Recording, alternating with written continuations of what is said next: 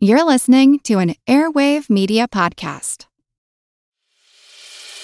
As a longtime foreign correspondent, I've worked in lots of places, but nowhere as important to the world as China. I'm Jane Perlez, former Beijing bureau chief for the New York Times. Join me on my new podcast, Face Off US versus China, where I'll take you behind the scenes in the tumultuous US China relationship. Find Face Off wherever you get your podcasts. We all know how important it is to keep your eye on the money, and not just your own. Stay on top of the latest financial and market news with Yahoo Finance, a podcast that releases new episodes almost every day. You'll hear a brief overview of the biggest news in the financial world, all in three minutes or less, right after markets close. Check out Yahoo Finance wherever you get your podcasts. That's Yahoo Finance wherever you get your podcasts. This is Kick Ass Politics. I'm Ben Mathis. Kick Ass Politics is brought to you by Fiverr. You've heard me rave about Fiverr before. Fiverr is the world's largest online marketplace for services with over 100,000 categories, all offered for a fixed base price of just $5. Logo design, business consulting, marketing, business cards, stationery, web design, translation, transcription, proofreading, legal consulting, and just about any other service you can imagine, all offered at a base price of just $5. And right now, when you go to kickasspolitics.com and click on the Fiverr ad on our sponsor page, you'll be showing our sponsor that you support the show and you'll get some great offers on services tailored to your needs. Whatever you need done, find it on Fiverr. I could say that you're homely, just as homely as pie. But this is Washington's birthday, and I've got to say you're beautiful, cause I can't tell a lie. In 1879, Congress figured it was finally time to give America's founding father his due. And so they passed an act making George Washington's birthday the first and only federal holiday honoring a U.S. president. It remained that way for nearly a hundred years. Then in 1971, Congress decided Americans deserved more long weekends. And so they passed the Uniform Monday Holiday Act, moving all federal holidays to a Monday with four exceptions Thanksgiving, Christmas, New Year's Day, and July 4th. That meant that George Washington Day got moved to the third Monday in February, ensuring that the holiday would never again fall on George Washington's actual birthday of February 22nd. It didn't exactly help that in the ensuing decades, the holiday took on a whole variety of names, taking away a good deal of the original meaning and intent to honor the nation's first president. You see, while the Uniform Monday Holiday Act established that the holiday previously celebrated as Washington's birthday would be moved to the third Monday in February, the law didn't actually give a name to the holiday. That was left up to the states to celebrate the third Monday in February however they saw fit. So in Utah, Colorado, Ohio, Montana, and Minnesota, George Washington's been forced to share a double bill with Abraham Lincoln. Now, don't get me wrong, Lincoln's no slouch. If you have to have a joint birthday, you could do a lot worse. But still, in Alabama, it's celebrated as Washington and Jefferson Day, and in Arkansas, it's celebrated as George Washington and Daisy Gatson Bates Day in honor of the Arkansas civil rights leader. Now, I'm sure Miss Bates was a great lady, but George Washington was the father of America. Probably the worst version of all this is California, which just recognizes the holiday as the third Monday in February. Way to show some imagination, California. Don't you suppose it's kind of a slap in the face to George Washington that some boneheads in Sacramento decided that the third Monday in February makes a far better holiday than our first president? Sadly, today only two states, Massachusetts and Virginia, still give George Washington his very own holiday. Most states now, either officially or unofficially, celebrate the holiday with the somewhat generic term President's Day. And from state to state, there's even debate as to the proper grammatical spelling of President's Day. Some states use the plural possessive spelling, putting the apostrophe after the S in presidents. Some states use the singular possessive with the apostrophe between the T and the S in President's Day. And then there's the real renegades like New Jersey and Nevada, which just completely forego the whole apostrophe thing altogether. However, you spell it, President's Day was largely an invention of Madison Avenue. The big ad agencies realized that a three day weekend coming on the heels of Valentine's Day, one of the biggest shopping days of the year, presented a prime opportunity for a three day blowout sale in the same model as Labor Day weekend sales. But George Washington's birthday, or Washington and Lincoln Day, just didn't make for very good ad copy. It didn't roll off the tongue very well. So the ad gurus came up with President's Day. It was simpler, sexier, and you can also thank Madison Avenue for the inundation of President's Day car sales. Coming on the heels of the Detroit Auto Show, and just before Americans get their tax returns, car dealers latched onto the third Monday in February as a prime opportunity to move some metal. In fact, today, most of us probably associate President's Day more with loud, flashy car dealership ads than with our first president.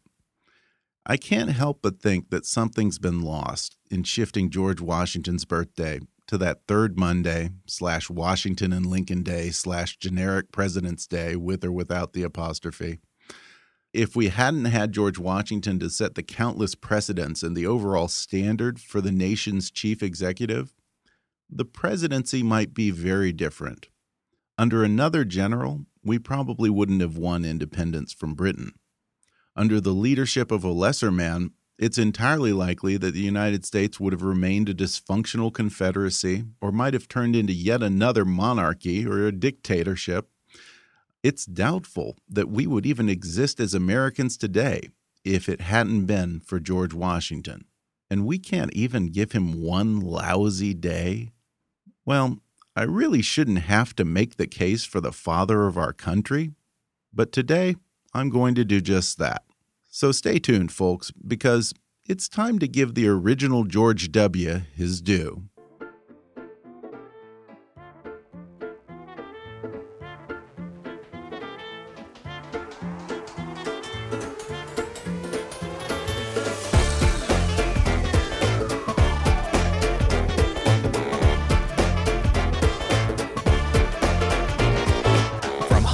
To Washington, it's time for Kick Ass Politics. And now here's your host, Ben Mathis. If he had simply retired from service after the Revolution, George Washington would still be revered as one of the greatest men in American history. A military hero who, more than any other person, won us independence from Great Britain. But it's what he did after that that set him apart from the other founding fathers, and in my mind, makes Washington one of the most remarkable of all Americans. In particular, there were two crucial turning points in the days following the end of the Revolution, when America hung in the balance between anarchy and order, between tyranny and democracy. And only one man's actions determined the course of a nation. The first instance came at the end of the war in March 1783 in Newburgh, New York. Many of the officers in the Continental Army hadn't been paid in months, and rumors spread that the Congress was broke and wouldn't have the funds to pay the pensions they'd been promised. There was open talk among Washington's own men of armed insurrection. An anonymous letter circulated among the officers in the Newburgh camp called for a meeting on March 11th to propose an ultimatum to Congress that they immediately make good on payments promised to the officers or face a potential military coup. George Washington got wind of this and suggested that instead the officers should postpone the meeting by four days, at which time one of Washington's own lieutenants would meet with the disgruntled officers to discuss their grievances. Once they were assembled for the meeting, the officers were taken aback when George Washington himself walked in. Washington then gave a short but impassioned speech counseling patience and warning them against anyone who, quote, wickedly attempts to open the floodgates of civil discord and deluge our rising empire in blood. Then Washington produced a letter from a member of Congress. In a masterstroke of theatrical genius, he fumbled with the first few lines, and then he took a pair of glasses out of his pocket. Many of these officers had served alongside Washington for years, and they had never seen their commander in chief don a pair of reading glasses. He said, Gentlemen, you will permit me to put on my spectacles, for I have not only grown gray, but almost blind in service of my country. Realizing that they weren't the only ones who had sacrificed, the disgruntled officers felt petty and ashamed of their actions. Many of them even wept as Washington read the letter. And the Newburgh conspiracy fell apart right then and there, thanks to one man, George Washington. Nine months later, following the Treaty of Paris, in which Britain agreed to recognize U.S. independence and withdraw British troops, George Washington disbanded his army, and on December 23rd, he handed over his sword to the President of Congress and resigned as Commander in Chief of the Continental Army to retire to Mount Vernon. When King George III of England heard about this, he said of Washington, If he does that, if he returns to his farm, he will be the greatest man in the world. Think about that. Julius Caesar, Napoleon Bonaparte, Fidel Castro, Idi Amin, Kim Il sung. In the long history of the world, the list of military leaders who won a war and then didn't seize power is pretty darn short. George Washington had complete control of the Continental Army. He could have very easily marched on Congress and taken the reins of power for himself. Colonists were still used to the idea of a monarchy, and Washington was by far the most popular man in America, so no one would have even raised an objection. But instead, he chose to stand down and retire to his farm. Well, retirement didn't last very long for George Washington. In 1787, he was persuaded to be a delegate to the Constitutional Convention in Philadelphia, and he was unanimously elected to preside over the convention. In its original intent, Congress had simply charged the delegates with the task of amending the Articles of Confederation not completely overhauling the entire system of government and writing a new constitution. But Washington, like James Madison and Alexander Hamilton, saw that drastic changes were needed. He didn't speak often, but when he did, George Washington made it count. He urged the delegates not to settle, but to hold themselves to a higher standard and create a system that was best for the country. Washington didn't engage in debate during the convention, but as chairman of the proceedings, all eyes were on him, and when the delegates spoke, they were addressing George Washington. Though many of them favored a weak executive branch, the delegates formed the office of president with Washington in mind, and so they felt more comfortable in trusting greater powers to a man of his integrity. Sure enough, less than two years later, George Washington was elected the first president of the United States and the only president ever elected unanimously by the Electoral College. George Washington had a tough task ahead of him. Americans had never known any form of government other than monarchy, so he knew that a society deeply rooted in patriarchy would expect their president to be a firm manager with broad powers. But he also knew that if he was to set America on the right course, he had to change the political culture and sell Americans on the idea of an elective Republican system of government.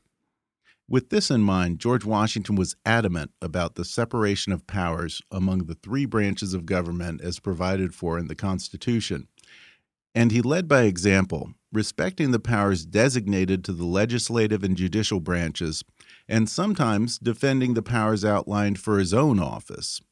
His first act as president was to appoint a Supreme Court, and then, once he had done so, he stepped back and allowed the judicial branch to do its job without interference.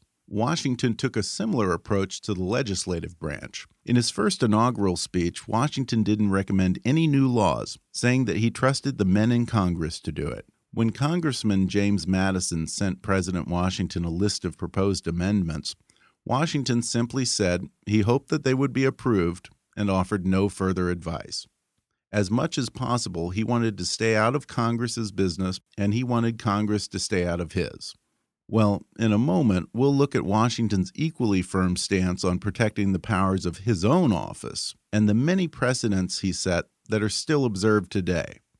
That in just a moment.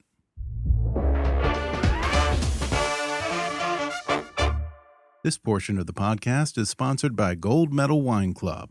Since 1992, they've been America's leading independent wine club. Unlike other wine clubs, Gold Medal Wines features the really unique and hard to find boutique wineries. These aren't the kinds of wines that you're going to find just at your grocery store. These are the real hidden gems. And virtually every wine they sell meets their strict selection criteria that includes multiple medals from major wine competitions and high ratings from Wine Spectator, Wine Enthusiast, and other national wine publications.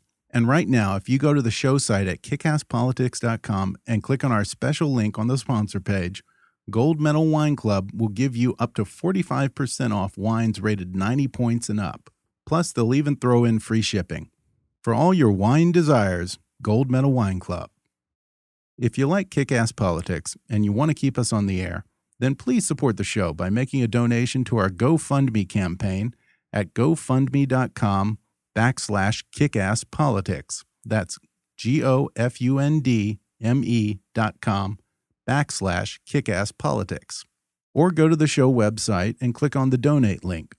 Your support will help keep us producing new and even more interesting programs in the future. That's gofundme.com backslash kickasspolitics. And now back to the rest of the show. Welcome back. We're talking about George Washington's almost obsessive observance of the separation of powers established in the Constitution and his relatively hands off policy towards Congress. But he was also very protective of his own constitutional powers as president. When he negotiated an agreement with Great Britain on peaceful trade between the two nations, he asked Congress to ratify the agreement known as the Jay Treaty. Jeffersonians in Congress were suspicious of reestablishing ties with Britain, and they demanded to see all papers relating to the negotiation with Britain before they would agree to fund the provisions of the treaty. George Washington simply refused asserting what is now known as the executive privilege of the president and stating that the boundaries stated in the Constitution should be preserved. Congress eventually caved and ultimately approved the treaty anyway. In a related matter, when hostilities broke out between Great Britain and France, many in Congress felt the United States should take the side of France. After all, France had been our best ally during the Revolution. But George Washington knew that our young country could not afford another war, so he declared U.S. neutrality in the war between England and France, establishing that while Congress had the power to declare war, the president had the power to declare peace. Washington wasn't brazen in his exercise of executive power, though. During his eight years in office, Washington only used his presidential veto power twice, once on ideological grounds over a bill redrawing congressional districts, and the other time to reject a bill that would have cut the standing army in half and left America vulnerable to military attack. In almost every way, George Washington had to make it up as he went along, and he was very aware that every decision he made as president could set a precedent for those who followed him. For instance, the Constitution, in the vaguest possible way, provided for the appointment of officers to head the various executive level departments, but it was Washington who appointed the first presidential cabinet and set the standard for what the cabinet should be and do. Today's president has 15 cabinet level positions, but the first cabinet only consisted of four members Thomas Jefferson as Secretary of State, Alexander Hamilton as Secretary of Treasury, Henry Knox, Secretary of War, and Edmund Randolph, his Attorney General. Washington established that the cabinet answered directly to the president, not the Congress.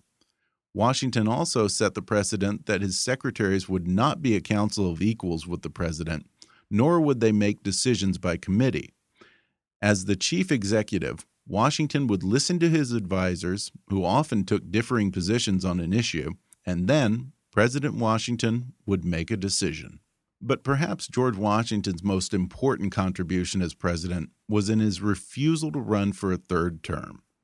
By retiring from public life, George Washington created a tradition of peaceful transition of power that was almost entirely unique to the world in his day. And since then, his successors have largely honored the two term precedent set by Washington, with Congress signing the term limits into law with the 22nd Amendment in 1951. And all of this is to say nothing of the important laws, the countless traditions, and other precedents, both great and small, that George Washington created during his eight years as president. He established the Bank of the United States to put the young nation on a firm financial footing. He signed the first U.S. copyright protections into law. He was the one who insisted that America needed a separate federal city that wasn't part of or governed by an existing city or state. Having worked as a surveyor in his youth, George Washington personally chose the site for the nation's capital, and he oversaw the design of the city that would bear his name. He made Thanksgiving a federal holiday. He established the tradition of a president placing his hand on the Bible when he took the oath of office and adding the words, So help me God, at the end of it. He started the tradition of a president giving a farewell address. In fact, in many ways, Washington's farewell address has served as a valedictory for those who would follow in his footsteps, a guide for navigating the difficult waters ahead, and a reaffirmation of the values upon which our republic was founded. And to this very day, on that third Monday in February, be it President's Day or whatever you choose to call it, that same farewell address is read on the floor of the U.S. Senate. This year it was read by Senator John Hoeven of North Dakota. So, yeah, would it really kill us to give George Washington his own day? Columbus gets a day, Martin Luther King gets a day, but not the father of our nation? The one man without whom the United States of America almost certainly wouldn't exist today, it just seems a little bit, well, ungrateful. If you enjoyed today's episode on George Washington, then I think you'd really enjoy a revealing book on our first president called The Ascent of George Washington The Hidden Political Genius of an American Icon by my guest tomorrow, John Ferling. And right now, you can download the audio version of this book for free with a special promotion for our listeners from audible.com. Just go to audibletrial.com backslash kickasspolitics for a free 30-day trial and a free audiobook download, which can be The Ascent of George Washington by my guest tomorrow, John Ferling, or any of Audible's 180,000 titles for your iPhone, Android, Kindle, iPad, or MP3 player. That's audibletrial.com backslash kickasspolitics. Or click the sponsor link on our webpage for your free audiobook download. I hope you'll subscribe to the podcast on iTunes so you can automatically get new episodes as they become available. And while you're there, I appreciate it if you leave us a review. That helps with the show's rankings on iTunes and our advertisers. And if you really like Kick Ass Politics, and want to help keep us on the air, then please support the show by making a donation to our GoFundMe campaign at gofundme.com backslash kickasspolitics. Or you can go to the show website at kickasspolitics.com and click on the donate button. Your support will help keep us producing new programs in the future, and I'd even like to expand to two or three new episodes a week, so your donation will help us reach that goal. That's gofundme.com backslash kickasspolitics or click on the donate link at kickasspolitics.com. As always, I welcome your comments, questions, and suggestions at comments at kickasspolitics.com or leave a voicemail on the toll free listener hotline at 844 KA Politics. In the next episode, I'll talk with author and historian John Ferling about the political genius of George Washington. In this day and age, we've given George Washington an almost godlike status, and we tend to think of him as being above politics. But the truth is, the reason he rose so high and was so effective is because beneath that stony, noble exterior, he had a remarkable sense of political timing and showmanship. And he was just as brilliant for what he didn't say as for what he did say. So be sure to download the next podcast. It's interesting stuff and a whole other side of George Washington. Until then, I'm Ben Mathis, and thanks for listening to Kick Ass Politics.